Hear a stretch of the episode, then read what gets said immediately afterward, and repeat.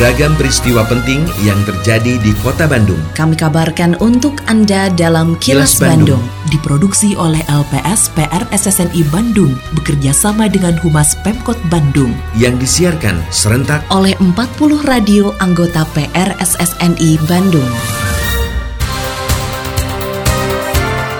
Sejumlah informasi aktual kami hadirkan untuk Anda dan inilah informasi utamanya. Masih perlu edukasi untuk menangani pasien COVID-19. Terdampak PPKM darurat, pengelola mal mengaku rugi 30 miliar rupiah per hari. Disdagin terjunkan tim pengawas pantau pelaksanaan PPKM darurat. Saya, Santika Sari Sumantri, inilah kilas Bandung selengkapnya.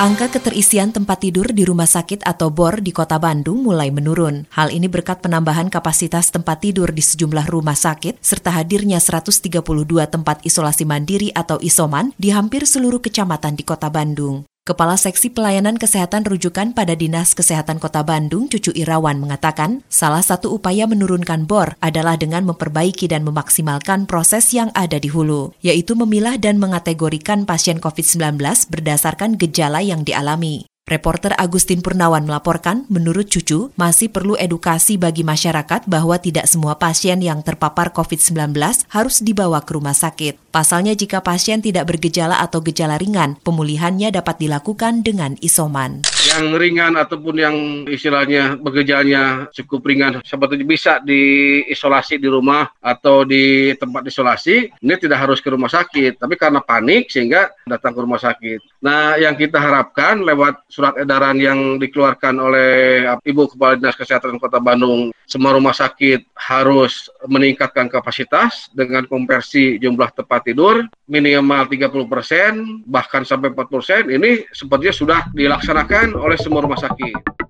Wakil Wali Kota Bandung Yana Mulyana memastikan ketersediaan vaksin COVID-19 di Kota Bandung masih aman, termasuk untuk pelaksanaan vaksinasi tahap berikutnya. Yana mengatakan vaksinasi bagi warga berusia 12 hingga 18 tahun, sementara ini masih menggunakan stok vaksin untuk kalangan lanjut usia atau lansia. Meski begitu, pemerintah Kota Bandung terus mengajukan kembali ke pemerintah pusat untuk penambahan vaksin. Reporter Agustin Purnawan melaporkan, dengan dukungan pemerintah pusat yang cukup baik, Yana optimis vaksinasi di kota Bandung bisa terselesaikan sesuai target. Insya Allah kita terus upayakan permohonan vaksin ke pemerintah pusat, ke Kemenkes. Kita terus ajukan, supportingnya sih Alhamdulillah ya, mudah-mudahan lah. Masih cukup banyak, karena kan itu kita masih punya dosis yang untuk lansia. Karena kan dosis untuk lansia itu kita targetnya belum nyampe 40%. Dibanding ini expire, nah yang 60% dosis ini kita bisa kasih dulu kepada yang sekarang kan kita udah mau mulai 12-17 nah yang 18 juga kita udah serahkan kepada yang 18 penting tadi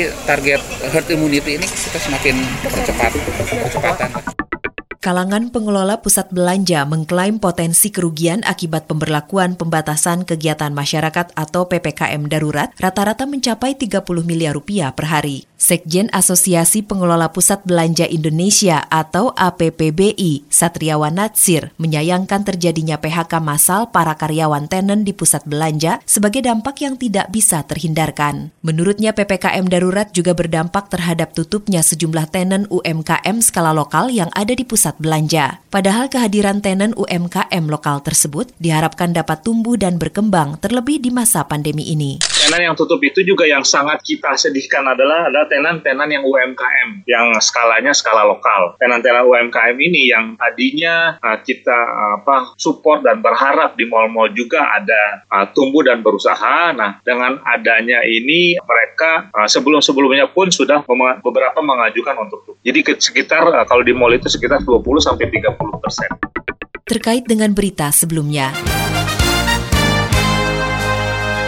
Pemerintah Kota Bandung menerjunkan 26 tim pengawas pemberlakuan pembatasan kegiatan masyarakat atau PPKM darurat. Mereka memantau berbagai tempat kegiatan ekonomi seperti pusat belanja, pasar modern, termasuk kafe dan restoran di Kota Bandung. Kepala Dinas Perdagangan dan Perindustrian Kota Bandung, Eli Wasliah, mengatakan sejak diberlakukan PPKM darurat, 24 mal di Kota Bandung ditutup, kecuali yang diperbolehkan buka, yakni swalayan khusus yang menjual kebutuhan sehari-hari, toko obat dan toko peralatan kesehatan. Sedangkan untuk kafe dan restoran boleh buka tapi tidak melayani makan di tempat. Reporter Evi Damayanti melaporkan, menurut Eli, tim pengawas tersebut bertugas memastikan tempat usaha tersebut mengimplementasikan PPKM darurat. Jadi ada dua sasaran, yang pertama mall, yang kedua adalah toko modern atau retail yang standalone, yang berdiri sendiri, maksud saya di luar mall. Jadi yang di dalam mall itu kita lihat, uh, uh, yang pertama adalah akses masuk tadi ya, apakah memang dikurangi dari akses masuk yang normal, yang kedua adalah yang dibuka itu yang tadi saya sampaikan hanya toko uh, modern yang diizinkan dibuka itu toko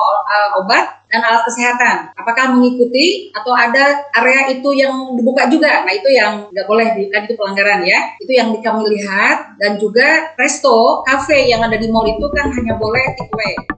Pemerintah Provinsi Jawa Barat mulai menyalurkan bantuan obat-obatan dan suplemen vitamin secara gratis kepada ribuan pasien COVID-19 yang sedang melakukan isolasi mandiri atau isoman. Gubernur Jawa Barat Ridwan Kamil mengatakan, obat-obatan tersebut disalurkan bagi pasien COVID-19 tanpa gejala, juga yang bergejala ringan, termasuk kepada pasien dengan gejala sedang. Reporter Suparno Hadisaputro melaporkan, menurut Ridwan Kamil, pengiriman bantuan obat-obatan dan suplemen vitamin melibatkan sejumlah kalangan seperti pengusaha farmasi, pengusaha alat kesehatan, juga perusahaan jasa logistik. Pengiriman bantuan obat-obatan dan vitamin gratis kepada ribuan yang sedang isolasi mandiri di seluruh Jawa Barat ada 8 ribuan warga yang memohon bantuan obat-obatan dan ada 11 ribuan pertanyaan konsultasi kepada tim dokter kurang lebih 13 dokter yang disediakan memberikan konsultasi oleh oleh Dinas Kesehatan Jawa Barat.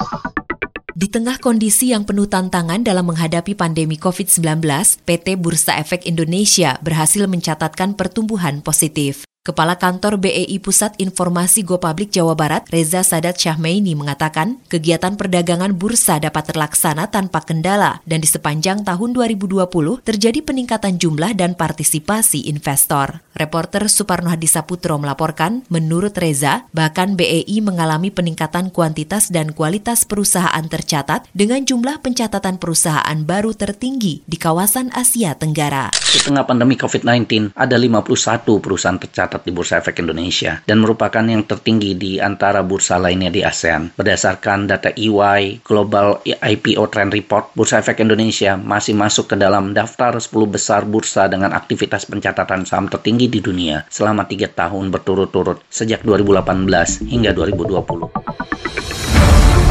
Kini, audio podcast siaran Kilas Bandung dan berbagai informasi menarik lainnya bisa Anda akses di laman kilasbandungnews.com.